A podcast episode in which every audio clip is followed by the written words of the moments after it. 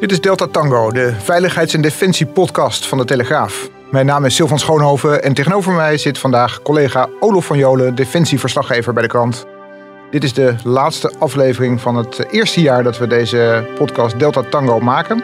En vandaag komen we terug op wat misschien wel het belangrijkste thema is binnen de Nederlandse krijgsmacht, namelijk geld. Want in het nieuwe regeerakkoord wordt daar het een en ander over gezegd. Hè, over wat we gaan doen met eh, de financiën de komende jaren bij de krijgsmacht, die natuurlijk financieel het heel zwaar heeft gehad. Wat is het geworden, Olaf? Ja, het hoge woord is eruit. 3 miljard. En 3 miljard is natuurlijk heel veel geld. Maar uh, het was toch een flink stuk minder dan er gevraagd was. Want er was gevraagd om ruim 4 miljard.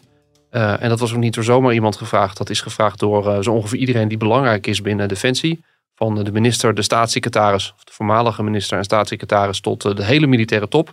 4 miljard, dat was de onderkant. Uh, en dat hebben ze dus niet gekregen. Het enige wat er wel gekomen is, is een, uh, een fonds, een soort extra fonds. Maar uh, dat is dus eenmalig geld. Dat is geld, 10,7 miljard. En dat geld is bedoeld om, om echt achterstanden weg te werken. eigenlijk het huis op orde te brengen. Maar het, het structurele geld, dus het geld wat elk jaar extra op de begroting komt, dat is maar 3 miljard. Ja, want dat, dat geld dat is nodig. Hè. Er wordt natuurlijk altijd geroepen over dat gebrek aan munitie, waardoor er pang-pang wordt, wordt geroepen. Moet je daaraan denken of gaat het nog veel verder dan dat? Ja, het, het, is, het, is een heel, uh, het is een veelkoppig monster. Dat munitieprobleem is, met name als het gaat om, uh, om de mitrailleurs en, en dus dat soort munitie, klein kaliberwapens zoals we het noemen, dat is redelijk opgelost. Maar het zit ook veel structureler in de zin dat bijvoorbeeld voor grote munitie, dus, dus raketten, zware granaten, ja, dat daar gewoon een, een, een lager budget voor is ingesteld. Dus er is gewoon weinig en, en dat verandert niet wezenlijk. Uh, maar het, het, gaat hier ook over uh, zaken als uh, vastgoed bijvoorbeeld. kazernes, nieuwe kazernes. het opknappen van oude kazernes. Het gaat ook bijvoorbeeld, en dat is een hele belangrijke, om ICT. Computersystemen, die zijn allemaal bij Defensie behoorlijk oud. en, en vervanging toe. En het grote probleem is dat als je dat niet doet, dat eigenlijk het hele toekomstbeeld wat er geschetst is van, van het Nederlandse leger, ja, dat, dat gaat dan niet door. Want het is allemaal afhankelijk van dat de automatisering beter op orde is.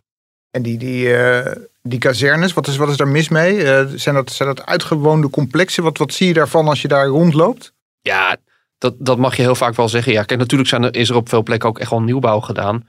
Maar er zijn uh, gewoon veel kazernecomplexen die, die oud zijn. wat, je, wat je zag was dat toen er bezuinigd moest worden, dat eigenlijk alles wat, wat als randzaak werd gezien, dat daar is op gesneden. Dus het, het laatste wat je wil aanpakken zijn echt actieve gevechtseenheden. Dus, dus dat, dat bleef overeind. Nou ja, en dan werd maar geaccepteerd dat die mensen, noem bijvoorbeeld de luchtmobiele brigade, dat die in een, in een, uh, in een gebouw zitten wat, wat, als je daar binnen loopt, is net de jaren zeventig. Er, is, er is sinds die tijd niet heel veel meer aan gedaan. Of de Bernhard-kazerne in Amersfoort, daar was ik laatst. Ja, daar zitten mensen in kantoren. Dat, dat, is echt, daar schaam je eigenlijk echt voor. Dat, dat je denkt van hier, hier mag je mensen eigenlijk niet meer in laten werken. En, en er is een soort acuut probleem gekomen daar dat uh, er een, een plicht is vanuit de Rijksoverheid dat alle kantoren uh, en een bepaald energielabel moeten hebben. Volgens mij energielabel C. Nou, uh, gemiddelde Nederlandse kazerne, die, uh, die is energielabel Z zo ongeveer. Omdat het enkel glas is, stokoud, slecht geïsoleerd. Dus daar moeten ze wat mee. Want je kan natuurlijk onmogelijk als overheid zeggen van... ja, bedrijf X, Y of Z... Jullie moeten je boel op orde hebben en energiezuinig zijn. En vervolgens je eigen overheidsgebouwen daar dan, dan niet op laten werken. Dus het ligt een gigantische taak volgens mij alleen al het, het op orde krijgen van vastgoed. Dan heb je het alleen al over 6 à 7 miljard. En het lijkt me nog veel erger als computers niet uh, up-to-date zijn. Uh, wat moet je daarbij voorstellen? Uh, wordt er echt met, met oude bakken gewerkt en ja, leidt de slagkracht daar uiteindelijk onder, denk je? Ehm, ja, het is nu vooral zijn het problemen wat ze noemen de vredesbedrijfsvoering. Dus gewoon het runnen van, van de krijgsmas als bedrijf. Ehm, volgens mij het, het, het salarissysteem dat dateert uit de jaren negentig. Dus dat is echt gewoon inmiddels 30 jaar oud. Uh, wat je natuurlijk heel vaak met, met ICT-systemen ziet, dat, dat aan oud weer iets nieuws wordt vastgeknoopt en daar nog weer iets nieuws. En uiteindelijk is het een soort lappendeken van oude systemen. Ja, maar dan gaat het dus niet over, de, over wapensystemen of zo. Dan gaat het echt over uh, nee, uh, maar, ja, de computers niet... waarin de vakantiedagen worden bijgehouden. Ja, maar het, het, gaat ook, er zit ook echt wel operationele kant zit eraan. En dat zit hem vooral in het feit dat met name voor, het, voor het, het, het op de zo optimaal mogelijke manier gebruik maken van nieuwe wapens, met name de F-35 dat ding is natuurlijk echt een soort datastofzuiger, noemen ze hem ook wel. Dus die kan overal informatie vandaan halen. Ja, per saldo, wat ik ervan nu hoor, is dat er eigenlijk gewoon uh, van al die mooie mogelijkheden waarvoor we veel geld betaald hebben. En wat mede de reden was om dat ding te kopen, dat daar zo goed als niet gebruik van gemaakt wordt. Omdat ze gewoon domweg niet de goede computerapparatuur hebben om A, al die data eruit te halen. Ja, en hem dan vervolgens dan te analyseren en er echt wat mee te doen. Ja, dat, dat zijn toch geen beste verhalen. Ja, dat lijkt me inderdaad vrij, uh, vrij zonde van het geld. Je zou toch zeggen, ja, 3 miljard euro, dat is toch ontzettend veel geld. Daar kan je de boel toch behoorlijk mee oplappen. Zeker als er nog dat fonds van 11 miljard bij komt. Dit is toch wel goed nieuws voor de, voor de krijgsmacht uiteindelijk, lijkt me. Natuurlijk, het is absoluut is het een, een, een hele positieve stap. Hè, want de afgelopen jaren is er wel geld bijgekomen, maar dat was, was minder. Volgens mij de huidige uh, kabinetsperiode was er uh, structureel een anderhalf miljard extra per jaar. Ehm, ja, dus ik heb, ik heb ook een rondje gedaan. Ik heb wat mensen gesproken uh, achter de schermen die, uh, om, om een beetje te peilen van hoe, hoe viel dit nou? nou je, je, hoort dat met name bijvoorbeeld bij de vakbonden, die zijn hier heel blij mee. Want er zit ook een half miljard geld in, wat dus gewoon geoormerkt is. Dus dat mag alleen maar besteed worden aan het, het verbeteren van salarissen en het hele systeem van belonen bij Defensie. Want ook dat is op dit moment een heel groot probleem. Is dat zo behoord daar? Wat, wat, wat krijgt een gemiddelde militair betaald? Hoe moet ik me dat voorstellen? Ja, een startend soldaat verdient uh, als soldaat, waarbij hij toch het risico loopt uiteindelijk als in de meest extreme situatie je leven te moeten geven voor het vaderland, verdient hij minder dan wanneer hij achter de kassa bij McDonald's gaat staan. dat is laatst een, een issue waar, waar op sociale media ook veel om te doen was. Ehm, dus ja, de salarissen zijn gewoon niet, niet hinderend. Met name manschappen, onderofficieren. Ja, dat, daar, daar word je niet heel erg rijk van. En dat is op zich nog niet zo'n probleem. Want ik denk dat de meeste mensen niet dienst nemen omdat ze heel erg rijk willen worden. Maar ja, je moet natuurlijk wel in staat zijn om een beetje een fatsoenlijk uh, leven te kunnen leiden. En, en wanneer je hoort. Je moet toch een huis kunnen kopen? Nou, bijvoorbeeld als je hoort van sergeanten uh, of sergeant-majors die zeggen: Ja, ik kan, ik kan gewoon geen hypotheek krijgen. Dat, gaat, dat lukt niet. Uh, dan is dat toch wel heel pijnlijk. Dus met name dat, dat nieuwe loongebouw, zoals ze dat noemen, dat is bedoeld om, om er in ieder geval voor te zorgen dat aan die, aan die onderkant van het, van het personeelsbestand, dat die mensen er wat beter bij komen te zitten, omdat je daarmee hopelijk ook meer mensen weet vast te houden. Of zelfs meer mensen naar, uh, naar het leger weet te trekken. Want we hebben het eerder over gehad. Gigantisch probleem, ruim 9000 vacatures. Dus je zal wat moeten om die mensen toch te gaan werven. Vervolgens komt er dan natuurlijk nog die, die 11 miljard eh, euro bij. Enorme bak geld zou je zeggen. Eh, gaan ze daar hele nieuwe kazernes voor uit de grond stampen? Worden er oude herbouwd? Wat, wat gaat er gebeuren? Nou, dat, dat is wel een interessant verhaal. Uh, het is nog allemaal uh, behoorlijk schetsmatig. Maar het interessante wat ik hoor is dat, dat er een optie zou zijn... dat waar mogelijk inderdaad oude kazernes gesloopt worden. Voor een deel kan dat niet, want er zitten ook best wel wat monumenten tussen. Dus ah, dan, ja. daar mag je niet de sloopkogel doorheen halen. En dan kost het nog meer geld om die dingen dan energiezuinig te maken. Uh, maar waar mogelijk zullen ze slopen en nieuwbouw doen. En er zal ook worden gekeken naar, moeten we nog wel op alle plekken blijven waar we nu zitten? Is het niet mogelijk om bepaalde eenheden uh, te combineren en dan een terrein af te stoten uh, en daar ook wat geld uit te verdienen? Um, wat ook rondgaat, en dat, dat zinkt al wat langer rond, dat er een, een lobby is om een, noem het maar, een randstadkazerne ja. te gaan bouwen. Waarom? Op dit moment zie je toch dat bijna alle um, militaire terreinen uh, ver buiten de Randstad zijn, met enkele uitzonderingen. De, de Van Gent-kazerne Rotterdam voor de mariniers, dat, die zit nog in, in het hart van, uh, van het westen. Maar verder is het allemaal, allemaal echt de randen van het land overdreven, een beetje gezegd. En dat heeft ook weer zijn weerslag op, op die werving. Want uh, de meeste mensen wonen nu eenmaal in de Randstad. Ja, en als je zegt, ik heb een hele leuke baan voor je bij de luchtverdediging, alleen moet je er wel voor naar de pijl toe ja, dan zal menigeen die in de Randstad woont eerst nog op de kaart moeten zoeken waar überhaupt de pijl is en waar, waar Vendraai is. En, en dat offer, uh, ja, dat, dat willen sommige mensen niet brengen. Terwijl als je zegt, luister, ik heb een hartstikke leuke baan voor je en uh, die kazerne die ligt in Alphen aan de Rijn. Hé, hey, wacht even, dan zou het zomaar kunnen dat uh, um, dat, dat aantrekkelijker wordt. Alphen is een vertrek willekeurig voorbeeld, maar daar wordt wel over nagedacht. Um, en, en daar zou ook een, een optie zijn om op de lange termijn te besparen. Omdat een nieuwer gebouw is energiezuiniger en kan je onderhoudsarmer ja. bouwen dan zo'n oud gebouw. Uh, zijn er al eh, locaties in beeld? Heb je al uh, plaatsnamen horen langskomen in, het, in de Nee, zo, zo, concreet is het nog niet. Ik weet dat in het verleden bijvoorbeeld wel eens gekeken is. Het is wel lastig om dat in te, in te bouwen. In de, ja, ik bedoel, het is, het is al vrij vol in de, in de Randstad. Dus waar, waar laat je een, waar laat je kazerne? Maar je moet een beetje afvragen, wat, wat doe je precies op zo'n kazerne? Hè? Want het, het beeld van wat mensen hebben van een militair terrein is dat je er alles hebt. Oefenterreinen, dat je schiet en wat dan ook. Maar bijvoorbeeld uh, de, uh, de kazerne van de commando's in Roosendaal. Ja, dat, dat, is een flink sportcomplex qua grootte ongeveer. En dat is gewoon puur een plek waar ze bij elkaar komen. Waar ze, ja. waar ze wat lessen volgen. Waar, je, waar ze, waar ze uh, met elkaar zijn. Terwijl de oefeningen die, die zijn in Midden-Nederland. Of die zijn, wij spreken helemaal niet in Nederland, maar in het buitenland.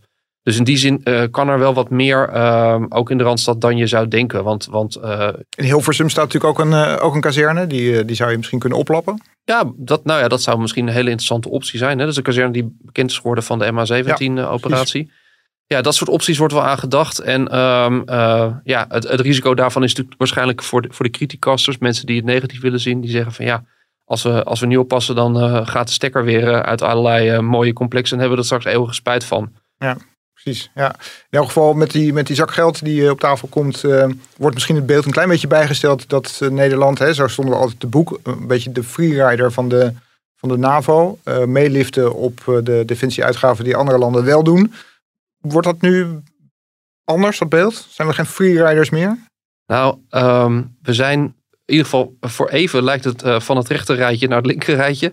Maar uh, daar zit wel een dikke vette maar aan. Uh, wat we nu doen, en dat werd natuurlijk met gretigheid uitgeserveerd door, ehm, door, door de mensen die het regeerakkoord presenteerden. Die zeiden we gaan naar het gemiddelde, het Europees gemiddelde van de NAVO-leden toe. En dat klinkt heel mooi. Maar dat is nog steeds een, een, heel stuk onder dat wat we ooit beloofd hebben. De belofte die er gedaan is in 2014 was dat Nederland zou gaan naar 2% van de, 2%, de beroemde 2% van het bruto binnenlands product. Dat, zou, dat zouden we moeten gaan halen. Nou, dat, dat Europees NAVO-gemiddelde is echt nog een stukje lager. Bovendien, uh, wat op de loer ligt, is dat wij nu hè, trots zeggen we doen er 3 miljard bij.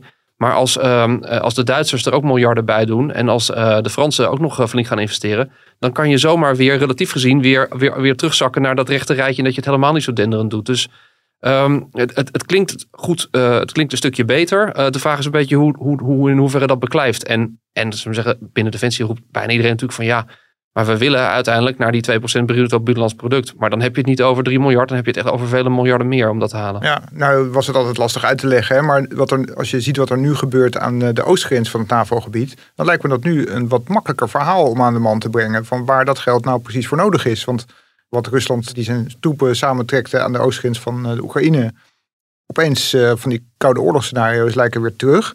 Is dat eigenlijk iets waar, waar Nederland nu acuut mee te maken heeft? Nou ja, uiteindelijk zijn we lid van de NAVO, dus ja, daar hebben we altijd het acuut mee te maken. Nederland heeft altijd eenheden die deel uitmaken van uh, snelle NAVO-reactiemachten. Er zitten bepaalde termijnen aan uh, binnen korte tijd dat, die, dat zo'n zo eenheid klaar moet kunnen staan. Dus absoluut. Ik bedoel, als, als, als er op de knop zou worden gedrukt, uh, dan moeten wij ook militairen leveren. Dan heb je het waarschijnlijk eerst over, over landmachteenheden. En je hebt het over mariniers die ook in die, in die pools meedraaien. Dus ja, en inderdaad, dit is een, een heel concrete herinnering aan wat wat ons, onze krijgsmacht is. Uiteindelijk is, is dat toch een soort een brandweer, een internationale brandweer voor, voor ernstige vraagstukken. Dus uh, in, in die zin, ja, het is inderdaad echt een herinnering aan hoe hard het nodig is of kan zijn dat wij ons kunnen verdedigen. En dat we onze bijdrage kunnen leveren aan, aan het bondgenootschap waar we deel van uitmaken. Dit moet toch iets zijn waar iedereen het nu over heeft in het defensiewereldje, lijkt me.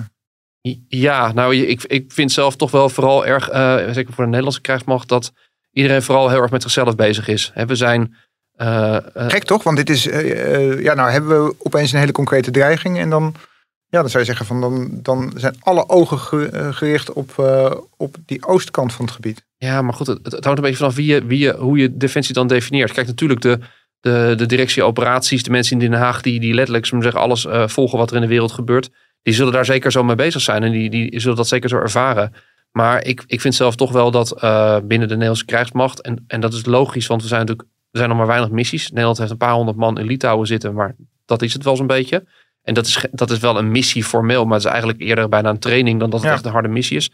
Ja, we zijn heel erg met onszelf bezig. Uh, er wordt uh, de, de, dominante uh, thema nu is toch mopperen over wat er niet goed gaat, mopperen over het CAO-voorstel.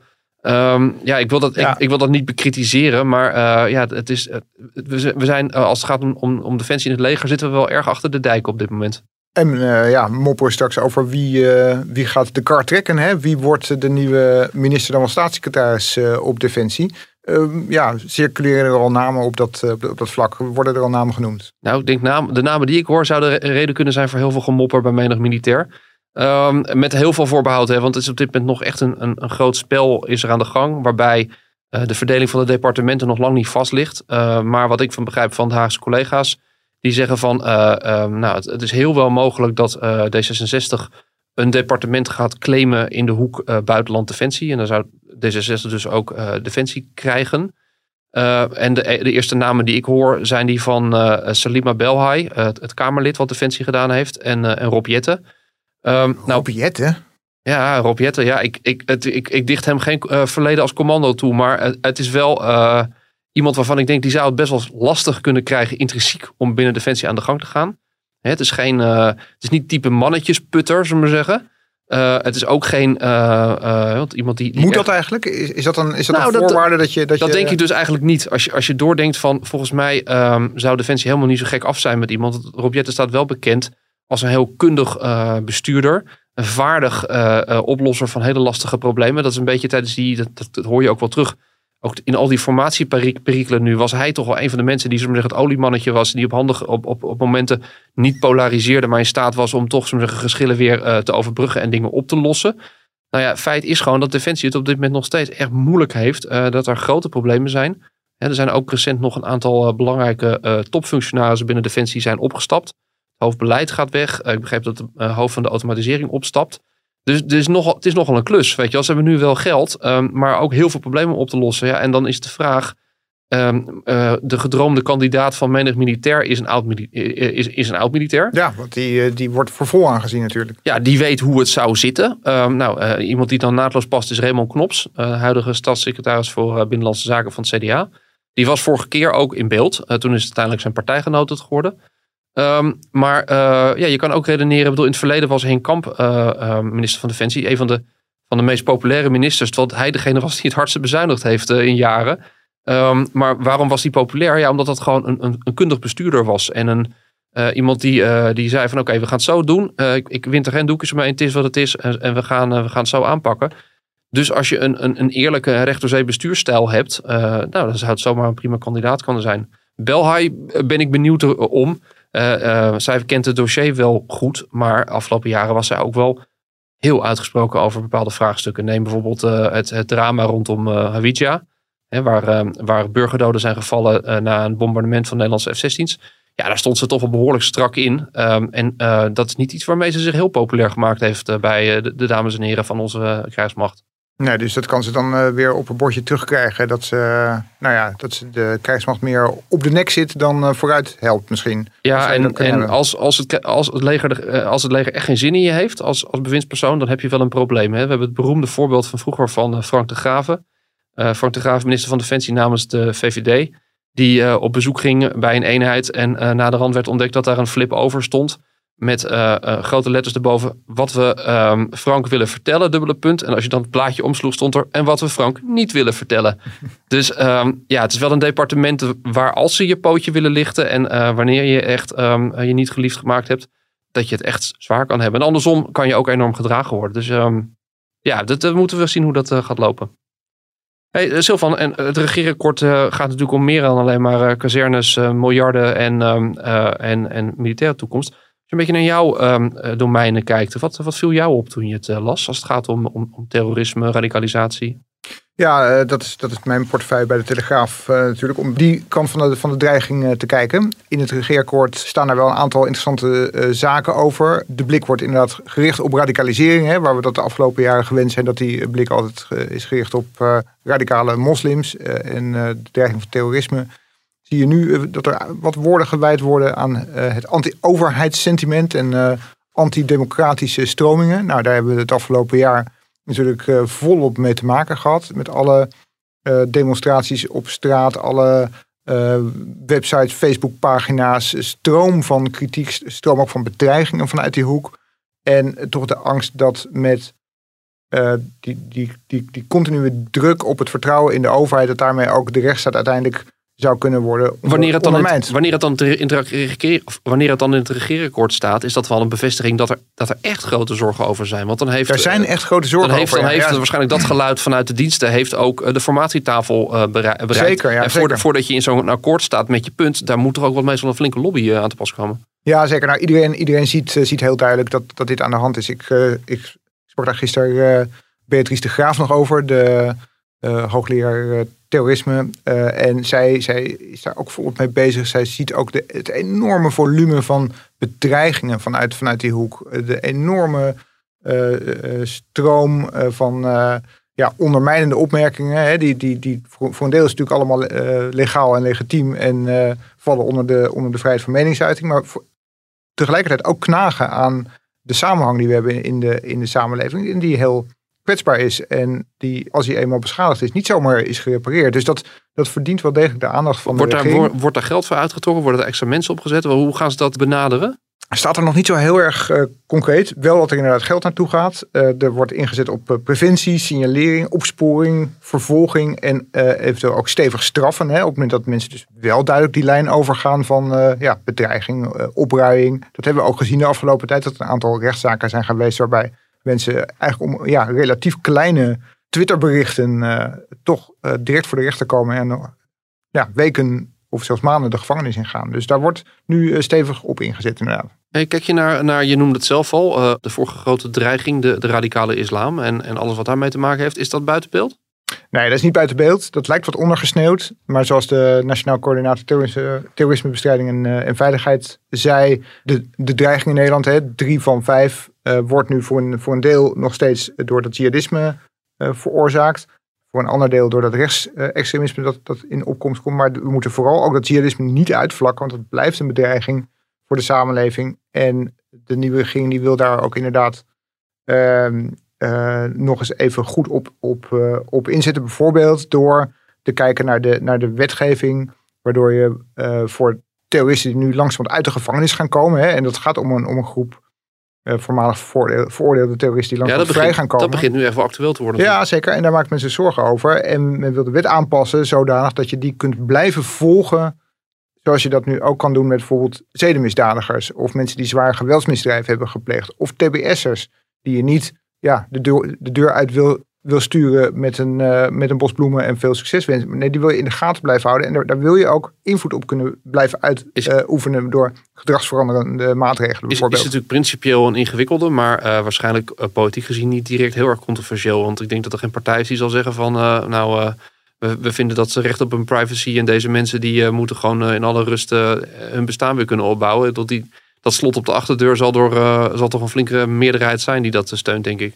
En ik denk ook dat, dat de maatschappij daar ook duidelijk om, om vraagt. Hè? Want ja, het zal je buurman maar zijn straks, die straks naast je komt wonen, maar die ook in Syrië is geweest en die daar heeft gevochten. Dat is natuurlijk heel heftig. Maar die, die mensen die komen onder ons uh, langzamerhand. ook ook ja, vrouwelijke terugkeerders hè, uit, uit Syrië. In het regeerakkoord staat dat we nog even duidelijk dat, dat het, het beleid wordt gehandhaafd. Hè, dus dat we die niet gaan ophalen. Nou, dat, we die, dat ze daar niet de rode loper voor uitrollen van kom maar terug en zit maar een kort strafje uit en dan, en dan is het allemaal goed. Dus die lijn wordt nog steeds eh, doorgetrokken. Ja, nog, nog meer punten uh, tot besluit ligt die, uh, die jou opvielen? Ja, er wordt ook heel veel gezegd op het gebied van veiligheid. Maar dat gaat met name over criminaliteit. En dat valt een beetje buiten de scope van deze podcast natuurlijk. Interessant is wel dat hè, de, de, de aanpak van de ondermijnende criminaliteit. waarbij Nederland lessen gaat trekken uit de aanpak van de maffia in Italië. Waardoor je bijvoorbeeld niet de situatie kan hebben dat vanuit de, vanuit de EBI in Vught een kopstuk zijn, zijn netwerk en zijn organisatie nog kan blijven aansturen. Daar wordt nou, daar wordt veel aan gedaan om eh, dat stop te zetten. Ja, maar dat is natuurlijk uiteindelijk, hè, dat, eh, je, je geeft het zelf aan, het is een beetje het randje van wat, wat, wat wij doen en, en wat de collega's doen op het gebied van misdaad. Maar inmiddels is, is die vorm van misdaad gaat natuurlijk verder dan de klassieke misdrijven. Dat, dat is eigenlijk gewoon een, een, terreur, wordt dat. Dat wordt een soort terreur en dat, en, dat raakt niet alleen aan, uh, nou ja, uh, uh, de levens van, van andere criminelen bijvoorbeeld, hè, zoals dat voorheen was. Maar ook aan de levens van journalisten, advocaten, rechters, uh, oh, uh, ja, aanklagers, iedereen die in die strafrechtketen zit of die daarover verslag doet, zoals wij, die kan ermee te maken krijgen. Ja, zoals, zien, we, zoals we natuurlijk, ja, wij, zien, wij zien helaas van heel dichtbij wat voor een prijs collega's daarvoor moeten betalen. En dat is, dat is een hele hoge. Dat is een hele hoge. En daar, dat, dat wordt met name genoemd in het regeerakkoord dat daar meer steun komt voor het stelsel bewaken en beveiligen. Om waar, waar mogelijk die, ja, die mensen extra te beschermen. Zodat uh, ook op die manier de, ja, de rechtsstaat wordt, wordt geborgd op die manier. Ja, dat is belangrijk. Het is niet. Het, het, is het verkeerde woord bijna, dat is niet leuk, maar dat is wel een positief signaal wat je uit dat regeerakkoord kan halen, denk ik. Zeker. Nou, met dat positieve signaal sluiten wij af deze laatste aflevering van Delta Tango van dit eerste jaar dat wij de podcast hebben gedraaid. We gaan met kerstvakantie en gaan volgend jaar vol goede moed verder. Dit was Delta Tango. Tot de volgende keer. Tot de volgende keer.